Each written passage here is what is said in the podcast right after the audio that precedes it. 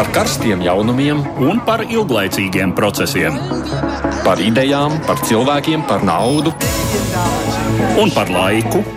Par abām mūsu planētas puslodēm, un lietojot abas smadzeņu puslodes. Ēterā raidījums divas puslodes. Raidījums, kas veltīts ir pasaules notikumiem. Mani sauc Aits Tomsons. Labdien! Edvards Liniņš šodien raidījumā nepiedalīsies, tādēļ vadīšana būs tikai manā ziņā. Bet nu, tas nenozīmē, ka runāšu tikai es. Kādiem tematiem tad šodien grasāmies plašāk pievērsties? Nedēļas nogalē pasaules medijas apldoja ziņa par vēl vienu valsts apvērsumu, kas ir noticis Gvinējā. Pēdējā laikā šādi tad dzirdam par gadījumiem, kad valsts vadītāji no amata tiek atstādināti piespiedu ceļā. Par Gvinēju nekad neesam runājuši. Jāatzīst, daudz pat nezinām, kur tā atrodas. Tādēļ veltīsim kādas minūtes šajā Āfrikas valstī. Politiskās spriedzi saglabājas Brazīlijā, kur nākamgad gaidāms prezidenta vēlēšanas. Esošais prezidents Bolsonaro otrdien izveda savus atbalstītājus ielās, lai ļaudis varētu paust viņam atbalstu. Sapulcējās desmitiem, citviet arī pār par simt tūkstošu cilvēku. Kādi vairāk kārt mēģināja ielausties augstākās tiesas sēkā, notikušais medijos tika salīdzināts ar neseno grautiņu ASV Kapitolijā.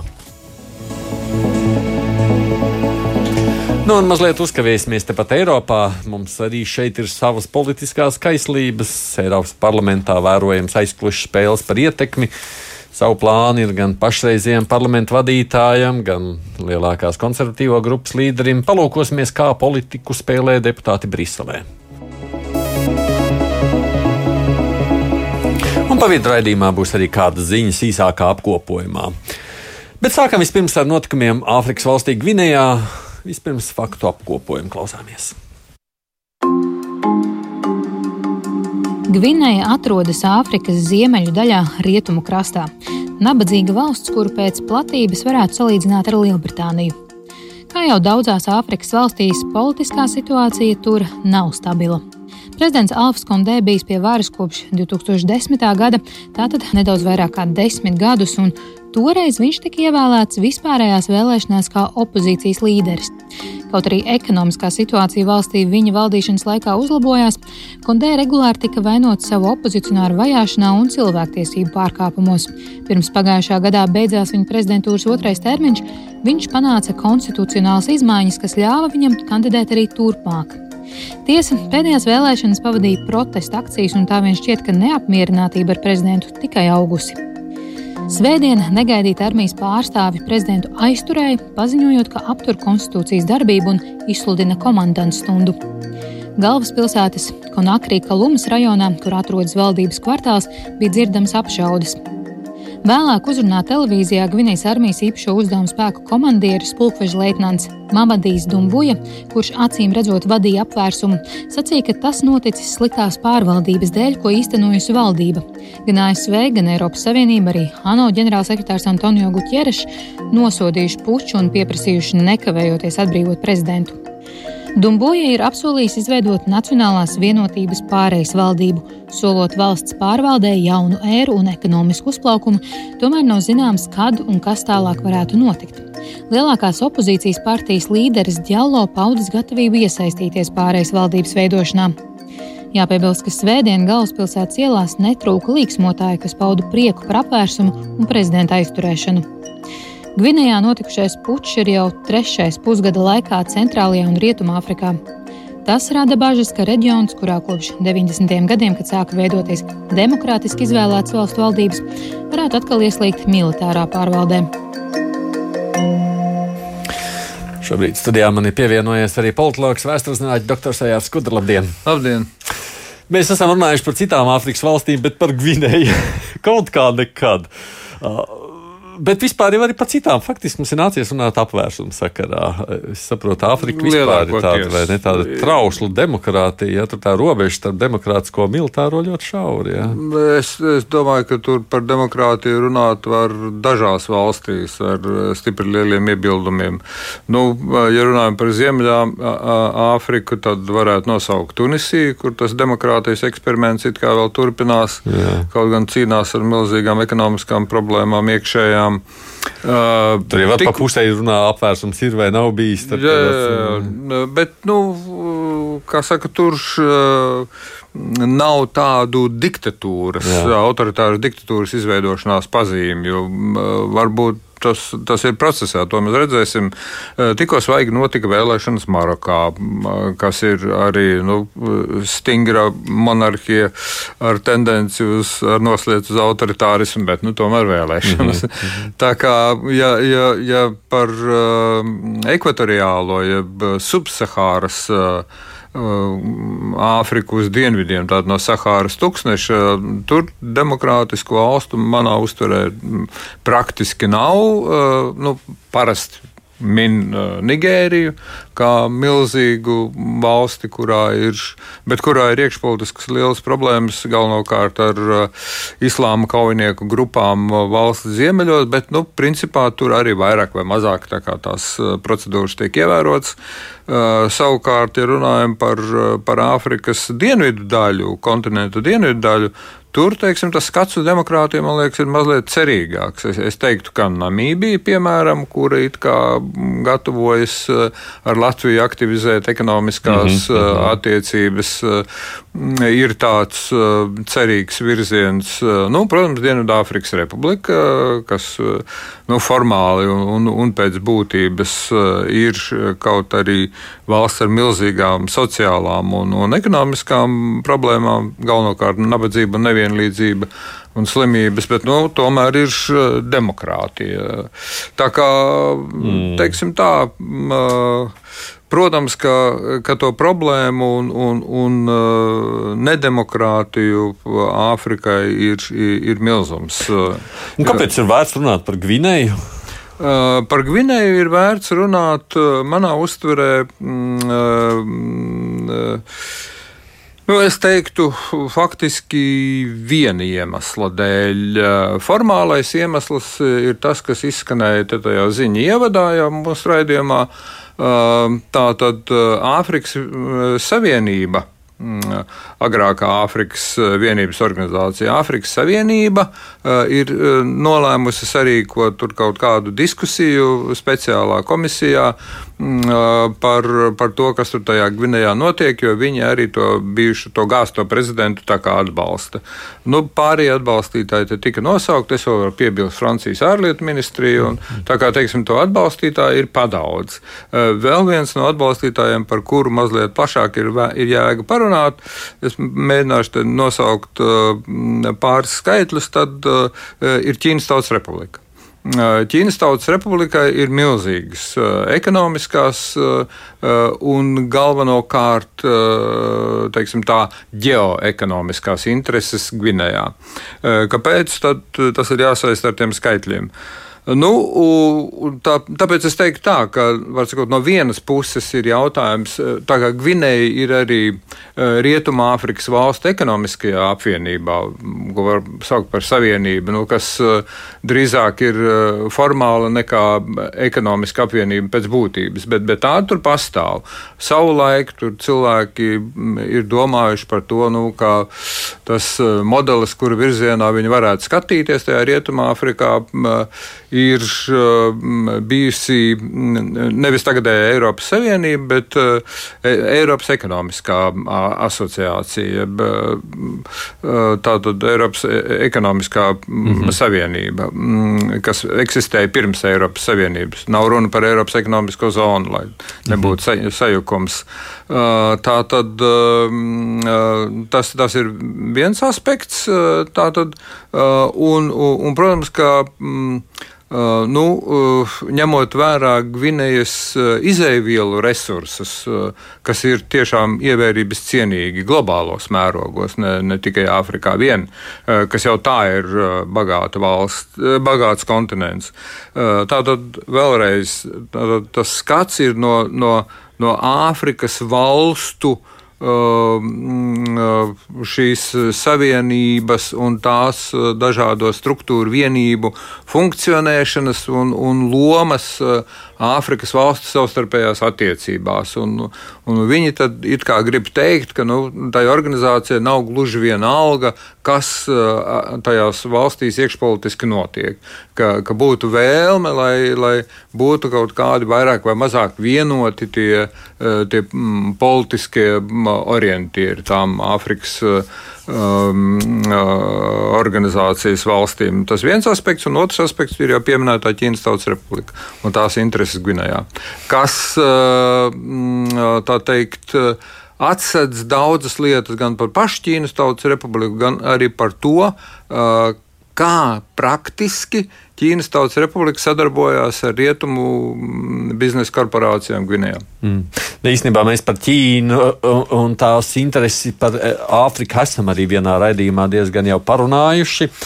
Runājot par pašu Gvinēju, mēs arī pirms raidījuma sazvanījām Straģiņu universitātes docentu, ārpolitikas institūta pētnieku Māru Anžānu, ko viņš domā par notiekošajā šajā Āfrikas valstī. Labdien, Māri! Labdien!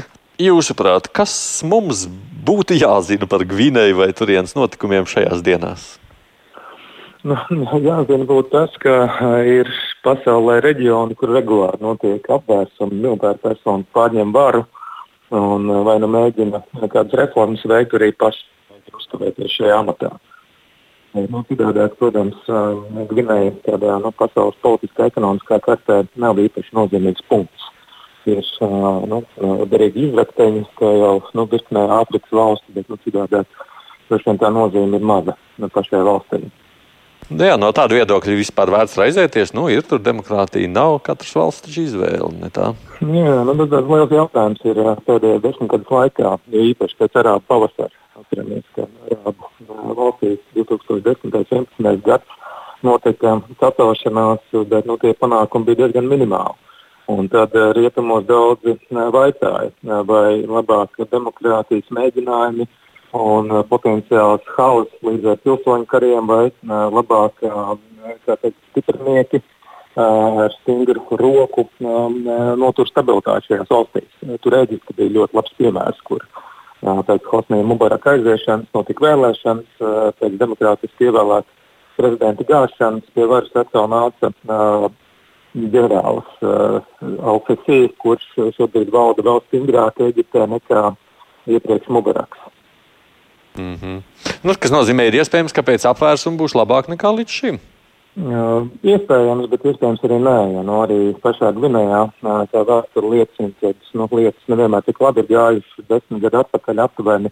Uh, prezidents, kas ilgus gadus uh, bija pie varas, uh, nomira. Uh, tad uh, atkal militāra padoma pārņēma varu atkal iekšējais savā veidā apvērsums, bija, bija vēlēšanas, kurās pie varas nāca pašais gāztais prezidents, un viņš nevēlējās aiziet ar labu.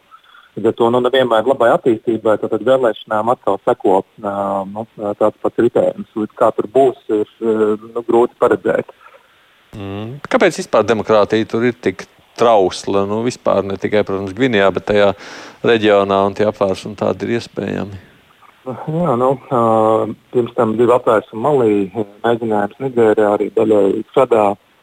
Uh, ir uh, daudz iemeslu, slikta pārvaldība, uh, nabadzība, uh, korupcija. Nu, iemeslu daudz, protams, var atskatīties uz uh, kolonizācijas laika, uh, pēc kura, un arī, nu, protams, iepriekš robežas tika vilktas nu, ne jau pēc etnoloģiskām um, apdzīvotības līnijām, bet nu, tā kā lielvairs viņas novilka. Arī Gvinēja bija Francijas kolonija. Un, pēc tam, pēc kolonizācijas periodā sacensās superlielvairs ASV Padomju Savienība par ietekmi. Nu, daudz, daudz dažādu problēmu, un uh, tas pārskatāmā nākotnē nu, diez vai mainīsies. Arī Āfrikas kārta liecina, ka nu, labi, ja trešo daļu var uzskatīt par nu, šādu vai tādu veidu demokrātijām. Mm. Kas nozīmē, ka tā ir tāda ne tikai tagadne, bet arī tuvākā nākotne, pilnīgi droši. Jā. Diemžēl, jā, un, nu, kā jau minēju, rietumiem arī liela dilēma, nu, ko lai dara. Protams, arī tagad ANO ģenerālsekretārs nosoda apvērsumu, arī Ekovaks aptur uh, Gvinējas darbību nu, šajā reģionālajā blokā. bet nu, bija pietiekami daudz, kas Gvinējā priecājās, jo gāztais prezidents nu, neaizgāja ar labu. Viņš arī apsūdzēts cilvēktiesību pārkāpumos un nu, dažādās citādās netaisnībās. Un, ja būtu aizgājis ātrāk ar labu, tad arī noteikti palikt labāk atmiņā viņš un varbūt nebūtu tāda apvērsuma. Anģēna kungs. Te pieminot par to nākotni, skatoties, nu jūs jau pieminējāt to Āfrikas valstu reakciju. Kas tur sagaida tālāk? Šo? Uh, pāris piebildes īsas. Uh, tātad, uh, pirmkārt, pašreizējais gāztais prezidents, kas ir apcietinājumā, tātad gāzts puča rezultātā, faktiski, ja, militāra puča rezultātā, mm, Alfa Konde, mm, viņš ir intelektuāls atšķirībā no daudziem citiem Āfrikas prezidentiem. Ilgus gadus pavadīja emigrācijā Francijā. Uh, savukārt uh, viņa gāzējs uh, mm, ir Franču leģionā dienējis, ja nemaldos, desmit gadus. Tā kā abi divi frankofoni. Eh, tikai viens militārists, otrs intelektuālis. Intelektuāļa problēma bija varas problēma tā iemesla dēļ, ka viņš gribēja mm, pārskatīt eh, konstitūciju.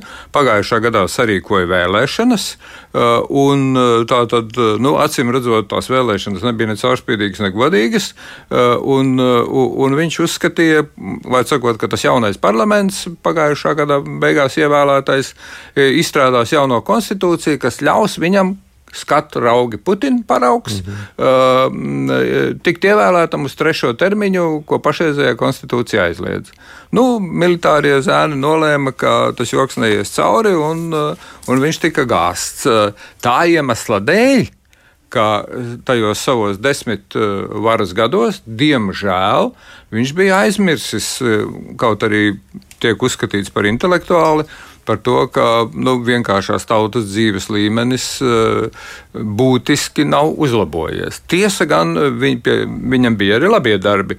Viņš palīdzēja dažās kaimiņu valstīs cīnīties ar militāro opozīciju, kas gribēja gāzt pastāvošo varu. Mm. Uh, tā kā teiksim, nu, tā, tā viņa politika ārpolitiski atšķirās no, no iekšpolitikas, bet viņš acīm redzot, tajā varas krēslā sēdēdams, bija aizmirsis par tām plašajām vēlētāju masām. Mm.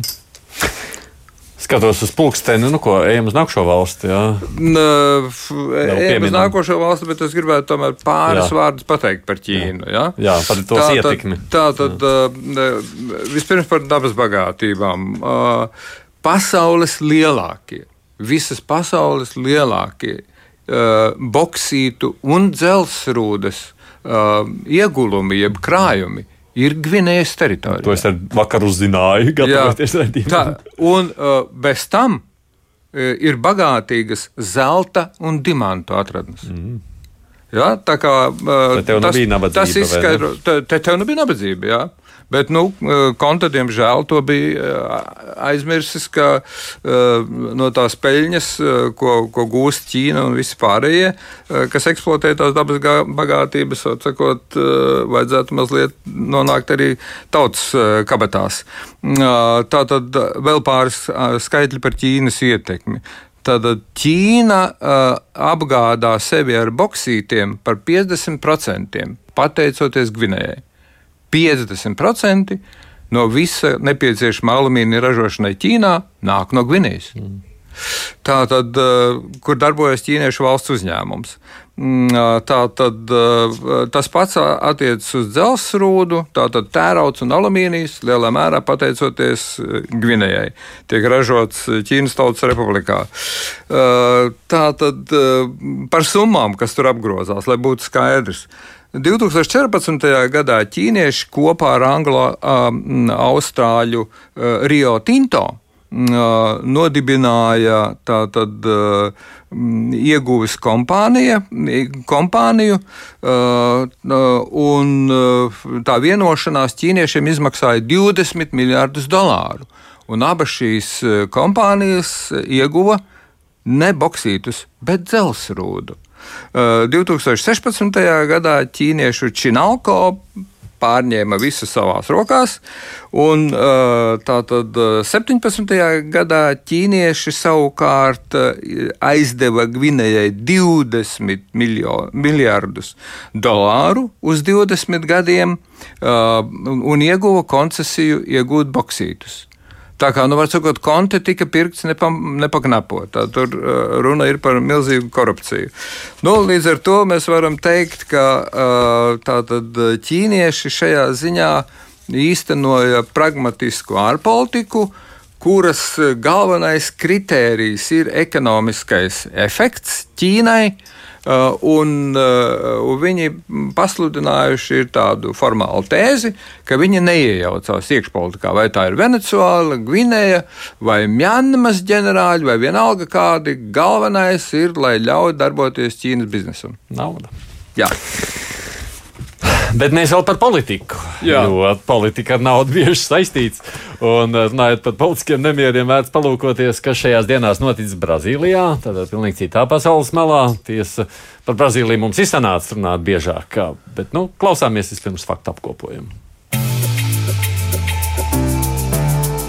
Tūkstošiem Žēra Bolsonaro atbalstītāju otrdien pulcējās vairākās Brazīlijas pilsētās, lai paustu savu atbalstu valsts prezidentam Brazīlijas neatkarības dienām. Protestus, kuriem savus atbalstītājus aicināja pats prezidents, bija kulminācija virknei notikumu. Bolsonaro zemajiem reitingiem, kas sola sarežģītu cīņu par otro termiņu prezidenta krēslā nākamgad gaidāmajās vēlēšanās, aicinājumiem un mēģinājumiem uzsākt prezidenta impeachment procesu, kā arī Bolsonaro nesaskaņām ar kongresu un augstāko tiesu. Kongresu prezidents apsūdz viņa reformu kavēšanā. Savukārt augstākā tiesa izpelnījusies kritiku, jo atļāvusi uzsākt vairākas izmeklēšanas pret prezidentu. Tomēr tieši zemie reitingi, kas nesen parādīja, ka 61% sabiedrības viņa darbu vērtē kā sliktu vai ļoti sliktu, bija tie, kas likuši prezidentam parādīt, cik plašas tautas masas viņu joprojām atbalsta. Tiek lēsts, ka Sanpaulu pulcējās aptuveni 140 tūkstoši cilvēku, bet valsts galvaspilsētā Brazīlijā vēl vairāk desmit tūkstoši. Saviem atbalstītājiem prezidents paziņoja, ka tikai Dievs var viņu atlaist.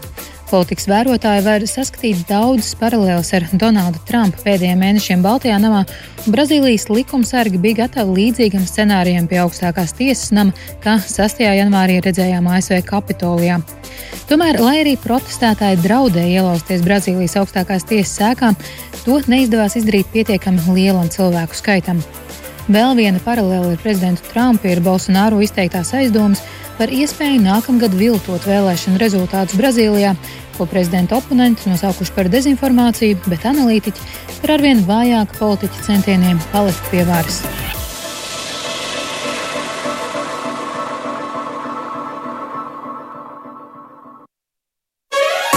Divas puslodes.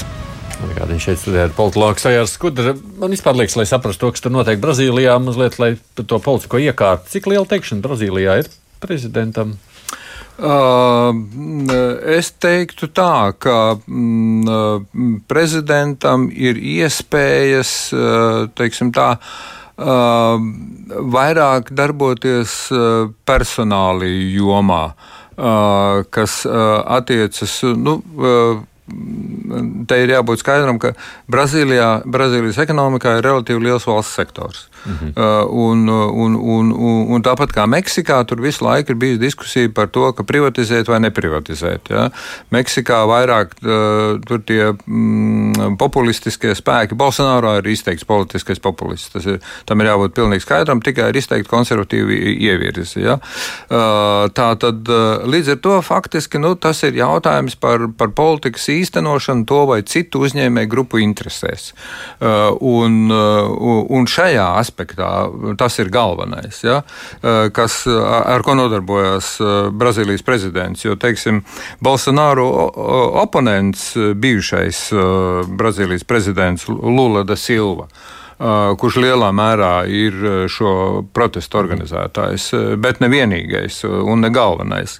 Tā tad viņš savukārt bija kreisais populists un, un bija pazīstams ar to, ka mēģināja ar nodokļu palīdzību, ar sociālo reformu, sociālā, sociālās palīdzības dienestu palīdzību, nu, palīdzēt tai, tai nabaga tautai mazliet uzlabot to uh, dzīves, dzīves līmeni un tā tālāk. Tā kā uh, Brazīlija tomēr, uh, nu, tad, kad viņa ir bijusi demokrātija, un tas, diemžēl, nav bijis uh, 20. Tur ir demokrātija, bet vispār nē, nē, nē, de, pat labam ar demokrātiju Brazīlijā viss ir kārtībā. Uh, jautājums šajā gadījumā ir par to, cik stabilas uh, ir uh, demokrātiju atbalstošās politiskās partijas savā pārliecībā.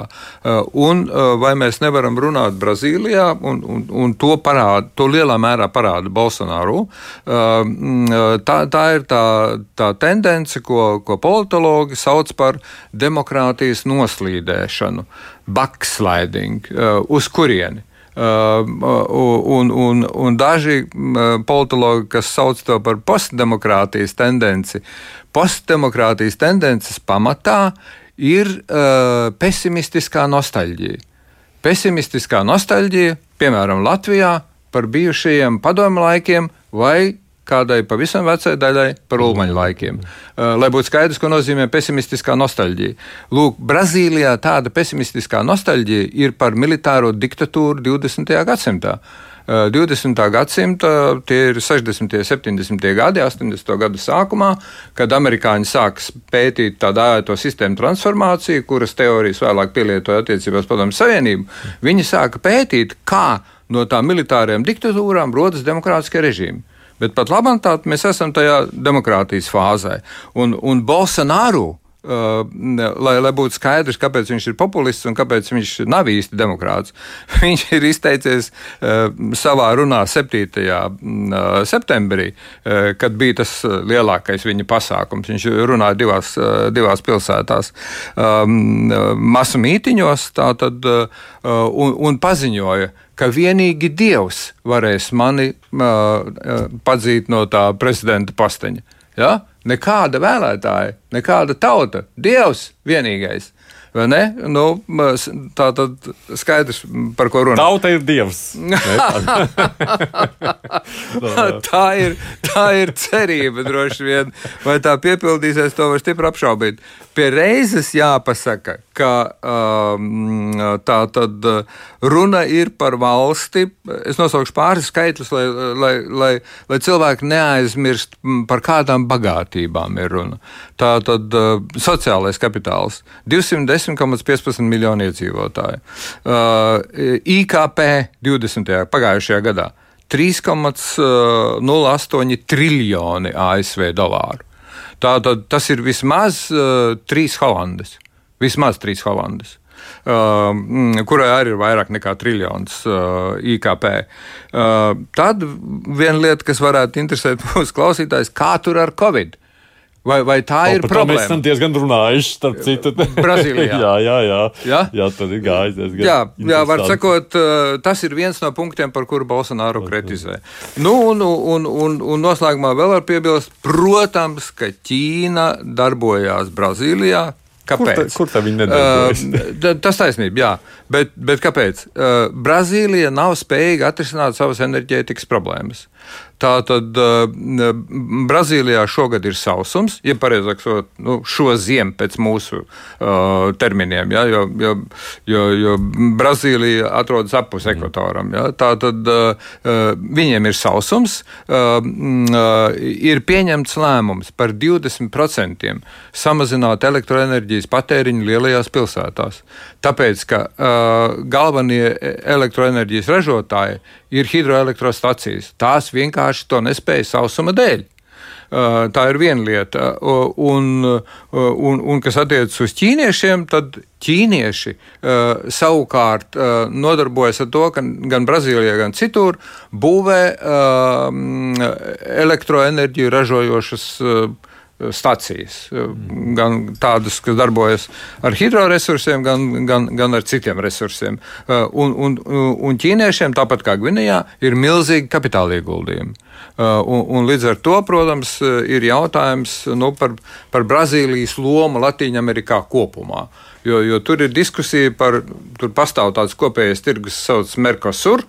Nu, jautājums ir par to, vai tā, tā apvienība izjuks, Un ir pazīmes, kas liecina, ka ir daļa valsts, kuras grib šo savienību pamest, uh, un, un savukārt ķīnieši steidz uh, mm, uh, tā tad ieguldīt kapitālus iegūstošajā un elektroenerģijas eh, rūpniecībā. Tātad eh, tādējādi būtiski nostiprinot savu ietekmi šo valstu ekonomikā, eh, un, un ķīnieši piedāvā arī, tāpat kā Krievija, savu vakcīnu Latvijas-Amerikas valstīm. Pie telefona mums šobrīd ir Jānis Bērziņš, Latvijas Nacionālās aizsardzības akadēmijas drošības strateģiskās pētniecības centra direktors. Bērziņkungs, labdien! Labdien! Vienmēr jums, kā Brazīlijas latvietim, zvanām, runājot par Brazīliju. Kā jūs nodāvētu, kas ir noticis šajā nedēļā? Nu, īstenībā šīs ir uh, rezultāts no situācijas, kas jau uh, izveidojas nu, ļoti ilgi. Proti, jo, jo kā jau Skudras kungs pareizi uh, uh, teica, um, un kā jūs arī, arī minējāt, bija sižeta minēja uh, uh, Bolsonaro popularitātes uh, uh, reitings, uh, viņš sevi, sevi nu, Viņam pietrūks kompetences, un, un patiesībā ņemt vērā, kā Brazīlijas ir, ir tā sistēma, ir prezidencialisms. Tas nozīmē, ka Latvijā viņš būtu ministru prezidentam vērtīgs. Un, um, mm -hmm. Viņš ir galvenais valsts un viņa komanda, ministri un tā tālāk neizspēja tikt galā ar struktūrālām problēmām. Tā skaitā arī ar enerģētiku, kas, kas īstenībā jau kopš 90. gadiem uh, jau ir, ir liela problēma. Un, tas, kas notiek šobrīd, ir kā, kā iedzīvotāji. Es negribētu izmantot vārdu tautu, bet, bet iedzīvotāji sabiedrība ir diezgan neapmierināti. Uh, inflācija ir liela, pārtikas cenas pieaug, gāzes cenas pieaug, elektrības cenas pieaug, viss pieaug, algas nepieaug. Skaidrs, ka cilvēki ir ļoti neapmierināti. Un vēl bija visādas problēmas ar, ar potēšanu, un, un nepotējas izmantoja malārijas uh, zāles, lai tiktu galā ar covid. Um, un līdz ar mhm. to a, a sabiedrība viņu devē arī par genocīdu šobrīd. Un, un, bet, bet um, rezultāts ir tāds, ka, ka Bolsonaro, jā, tiesa, viņš izmantoja šo nostalģiju uh, pēc uh, militārā laika ar domu, ka ka tajos laikos korupcijas nebija, problēmu nebija un tā tālāk, kas, kas īstenībā nav patiesība. Bija korupcija, bija visādas citas problēmas, un, un, bet tās vairs nestrādā. Bet tas, kas, kas notiek Brazīlijā šobrīd, ir, ir tiešām šī cīņa starp, starp Bolsonaru un, un, um, un, un uh, augstāko tiesu. Un e, patiesībā tas ir problemātiski, tāpēc ka Bolsonaro pēdējos mēnešos viņš ar vien biežāk viņš spēlē karti, ka ja nebūs, kā es gribu, varbūt būs militārais aversums. Un, mm. un tā man liekas ir diezgan problemātiski, tāpēc ka tie ģenerāli, kas, at, kas viņu atbalsta, un, e, un tie ģenerāli, kas izveidoja šo uh, šo valdību, jo īstenībā Bolsonaro tiesa ir Brazīlijas bruņotu spēku plāns, lai iegūtu varu demokrātiskajā veidā, un tā strādāja. Uh, cik man zināms, viena daļa no ģenerāļiem nav tā, ka atbalsta apvērsumu un saka, saka pamazam, pamazam viņi saka, saka uh, uh, attālināties no no Bolsonaro. Bet kopumā situācija, uh, kas jau uh, ir, ir bijusi asa kopš Bolsonaro vēlēšanām, uh, saisinās ar vien vairāk šobrīd. Diemžēl. Mm, paldies! Paldies par ieskatu Jānim Bērziņam. Paldies jums tiešām par sazvanu. Kā jūs domājat, Skudraškungs, kas tur gaida tagad Brazīlijā tālāk? Uh, tā tad par ko notiek cīņa? Tā tad Bolsonaro pretinieki, kas ir ļoti raiba kompānija. Ja? Bez, bez pieminētā Lulas, tur ir ļoti daudz citu politisko spēku, kuri ir nemazāk populistiski savā, savā politiskajā, nu, teiksim, savās politiskajās politiskajās kampaņās nekā, nekā Bolsonaro. Bolsonaro ir izteikti labējs. Mm -hmm. ja? Katolicisms, dievs, ģenerāļi, armija kārtība valstī un tā tālāk. Un joprojām. Um, tad te, te jāpiebilst, tā nav tā, ka Bolsonaru neviens neatbalsta.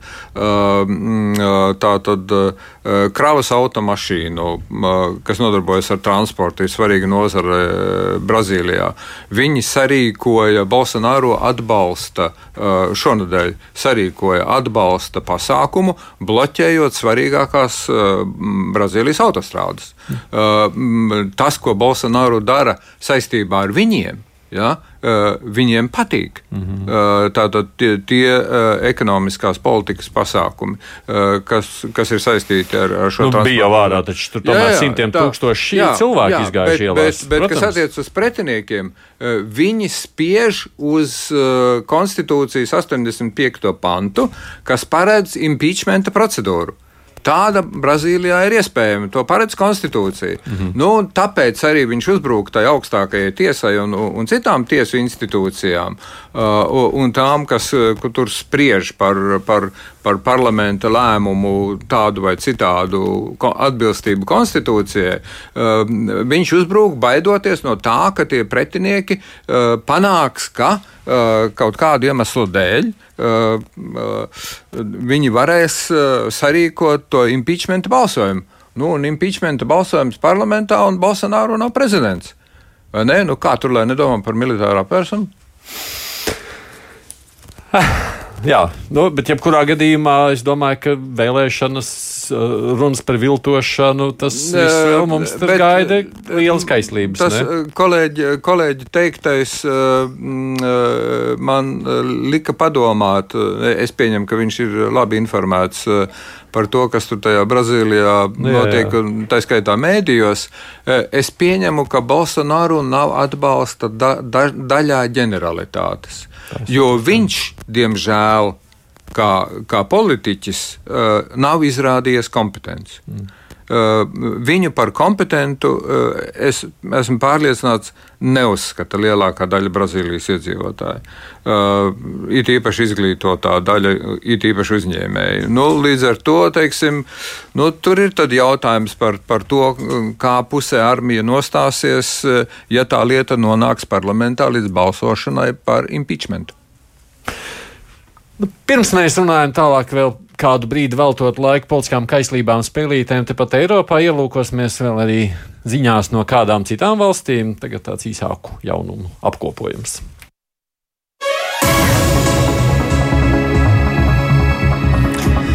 Lai gan talibi ir cenšies iebiedēt opozīciju, jau vairākas dienas Afganistānā turpinās publiski protesti. Kabulā grupas sieviešu ir vairākas reizes devušās ielu gājienos, lai paustu savu attieksmi pret talibiem. Ir publiskas akcijas notikušas citās pilsētās. Vietējie mediji ir pārstājuši ziņot par to, kopš talību uz laiku aizturēja grupu žurnālistu, kas otrdien atspoguļoja protestus pret Pakistānas ietekmi Afganistānā. Talība otrdien apspieda, apspieda protests arī Herātā, Gaznī, Feizābādā, citās vietās. Herāts provincē talībiem atklāja uguni pret protestētājiem, nogalināt vismaz divi protestētāji, septiņi ievainoti.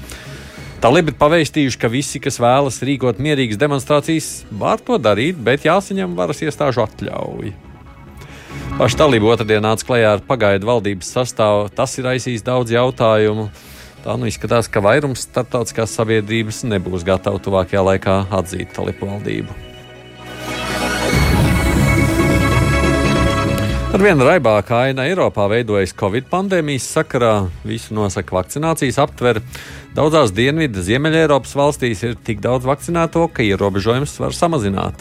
Savukārt Baltijas valstīs vēl daļa Austrumēropas valsts saslimstība pieaug, jo vakcinēto skaits ir pārāk liels, neliels. Zviedrija Latvijā daudziem bijusi kā piemērs tādai liberālajai attieksmē pret pandēmiju, bet nu, vakcinācijas ziņā tur ir nolemts rīkoties līdzīgi kā citviet.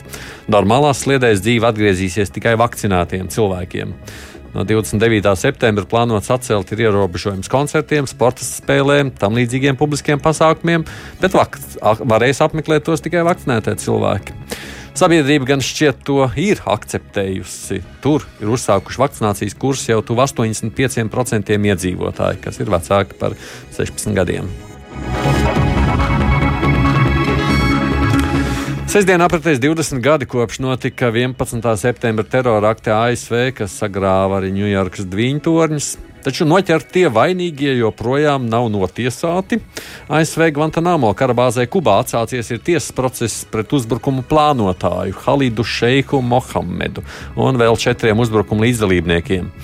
53 gadus veco Muhamedu ASV centrālā izlūkošanas pārvalde un Pakistānas starpdienas izlūkdienas notvēra 2003. gadā Pakistānā. 15 gadus viņš atrodas Guantanamo cietumā Kubā. Tur viņš atzinās, ka ir 11. septembra teroraktu plānotājs. ASV militārā komisija pirms 13 gadiem viņam izvirzīja apsūdzības kara noziegumos un slepkavībā, par ko viņam draud nāves sots, bet tiesas process joprojām tikai pirms tiesas fāzē. Tiek lēsts, ka bez politiskas iejaukšanās var paiet vairāk nekā gads pirms tiesas prāva vispār sāksies, nu, par spriedumu nolasīšanu nemaz nerunājot. Beļģija un Nīderlanda ir kļuvušas par lieliem kokaīna kontrabandas centriem Eiropā. Tā otrdien ir paziņojusi Eiropas policijas organizācija Eiropols. Noziedzīgie grupējumi izmanto ostas pilsētas Rotterdamu, Hamburgu un jo sevišķi Antverpeni, lai ievestu Nīderlandē kokaīnu, kas galvenokārt nāk no Kolumbijas no Nīderlandes narkotikas tiek tālāk izplatīts pa visu Eiropu. Tā ir norādījis Eiropols. Pagājušā gadā viena Antverpenē konfiscēts vairāk nekā 65 tonnas kokaīna.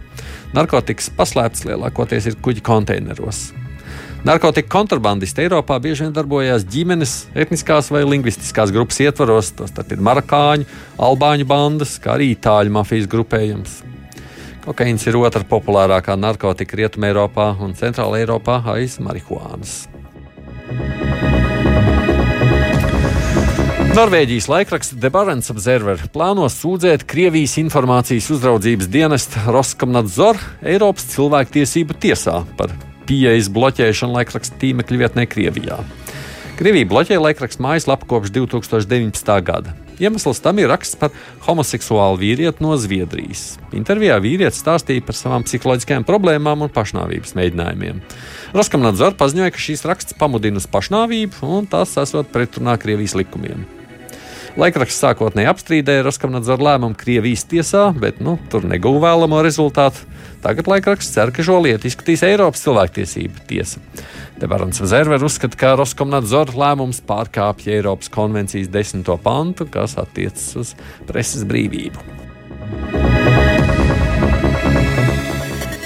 Nu, tādas bija dažas citas ziņas īsumā, bet tagad raidījuma noslēgumā parunāsim par to, kas notiek salīdzinoši netālu politiskajos gaitiņos Briselē. Par ko runa? Vispirms tā īsi pastāstīs producents Ievzeiza.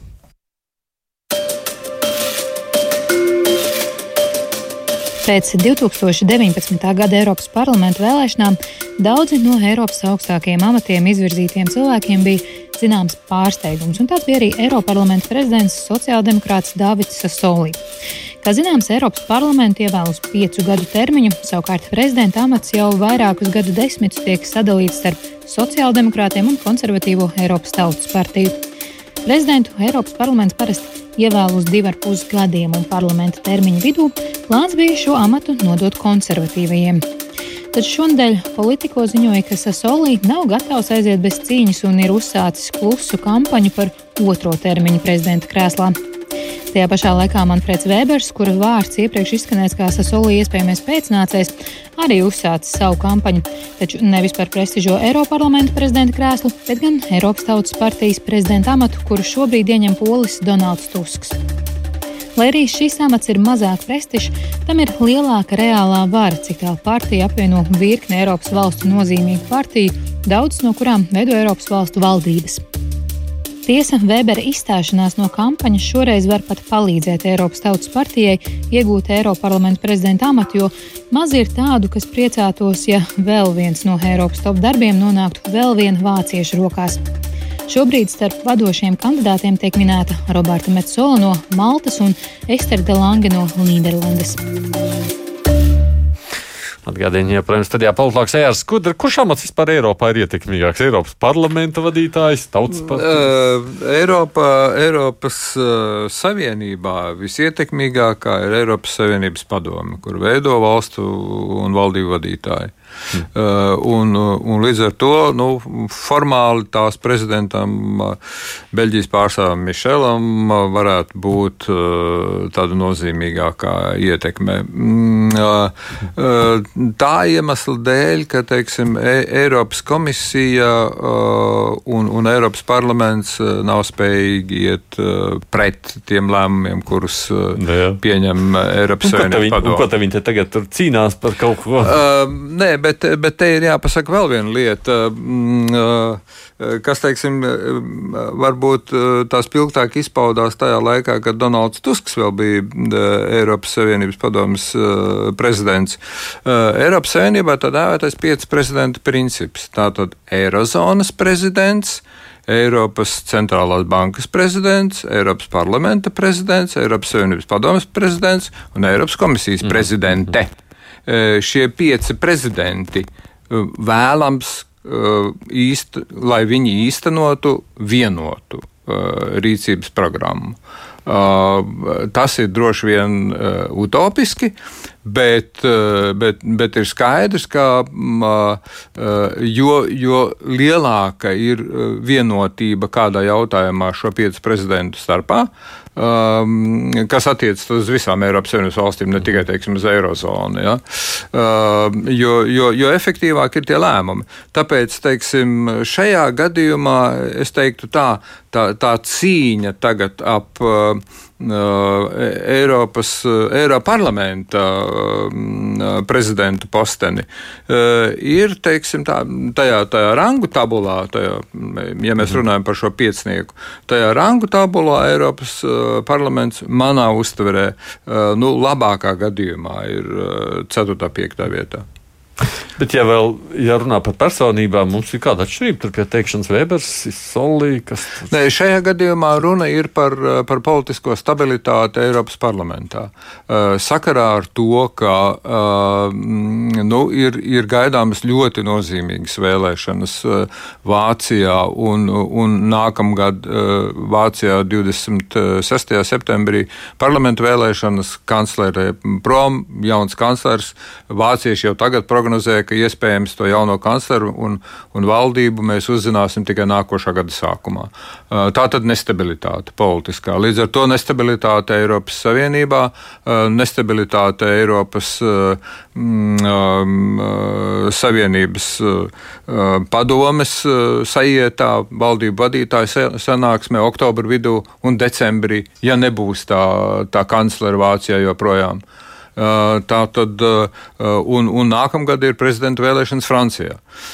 Līdz ar to, teiksim, politiskā nestabilitāte Eiropas parlamentā ir loģisks šo gaidāmo un jau noritošo kampaņu sekas.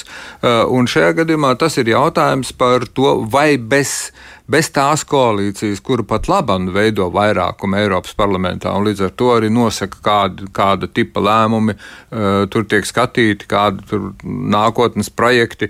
Uh, tie nākotnes projekti, kā zināms, no Eiropas komisijas puses atskaņot, ir, ir stipri daudz un stipri nopietni, uh, un, un, un pavisam svaigs ir uh, dokuments par migrāciju, uh, kuru arī Eiropas komisija gatavojas virzīt, uh, tā skaitā pieņemšanai Eiropas parlamentā, kas no mūsu ļoti stipri interesē tagad. Tāpēc nu, no tāda viedokļa jautājums par to, kurš tad būs tas vadītājs, tas vairāk ir jautājums par to, cik stipra ir tā koalīcija, kas ir pie varas Eiropas parlamentā, ja veido vairākumu. Un, un, un par kādiem politiskiem kompromisiem patiesībā ir cīņa. Jo ir skaidrs, ka cīņa jau nav par krēslu. Cīņa ir acīm redzot par politikas virzienu. Uzdzird arī šobrīd Eiropas parlamenta deputāti Ines Vaivari. Labdien, Vaivars kundze! Vaiders kundze. Jā, labdien, Haidi. Vaideri. Vaider, Vaider ar pats, jā, jā, jā. Kā var pārrunāties arī, vai ne, ātrumā? Nu, savs, bet nekas piedod. Es saprotu, jūs esat arī jā.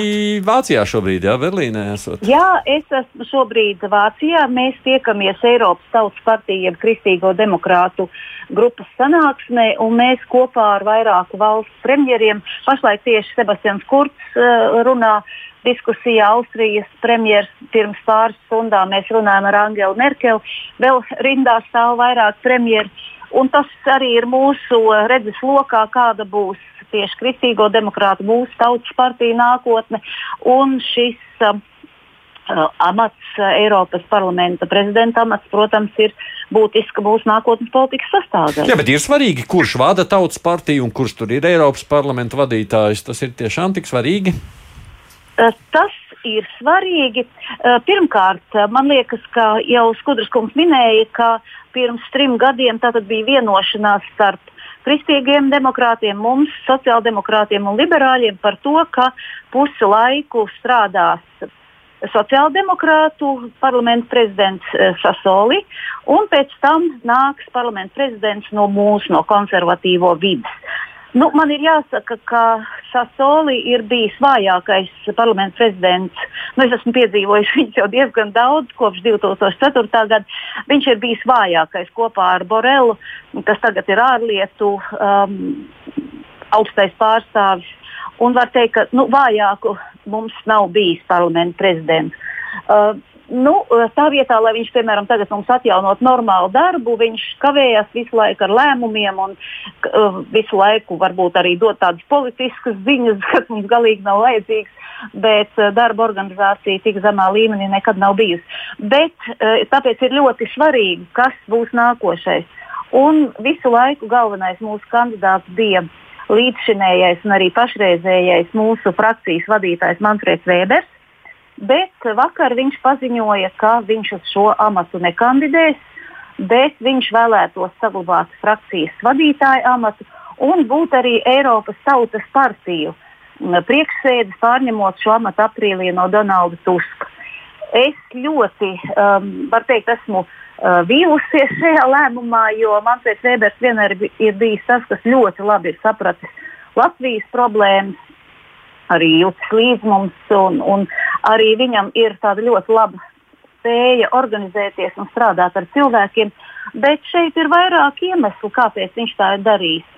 Uh, klīst baumas, un tās varētu būt pamatotas, ka diez vai uz sociāldemokrātiem var paļauties, ka viņi turēs savu solījumu, un līdz ar to nu, arī tas, ka tagad komisijas vadībā ir pārstāve no Vācijas, un tad arī parlamentā būtu Vācijas um, deputāts. Tas arī ne visiem patīk. Kā, nu, tur varētu būt zināmas šaubas, vai arī šī ievēlēšana varētu izdoties. Pašlaik mums uh, norit sarunas par, mm, par jaunu iespējamu kandidātu. Ir, ir no Maltas, no Nīderlandes, no Spānijas izteikuši vēlēšanās kandidēt. Nu, skatīsimies, kā tas būs, bet ir interesanti, jūs arī pieminējāt šo uh, iespējamo politisko virzību. Tātad viens ir tāda līdzsvarota politika, šīs lielās trīs fakcijas, kas veido vairāk nekā 353 nepieciešamās balss.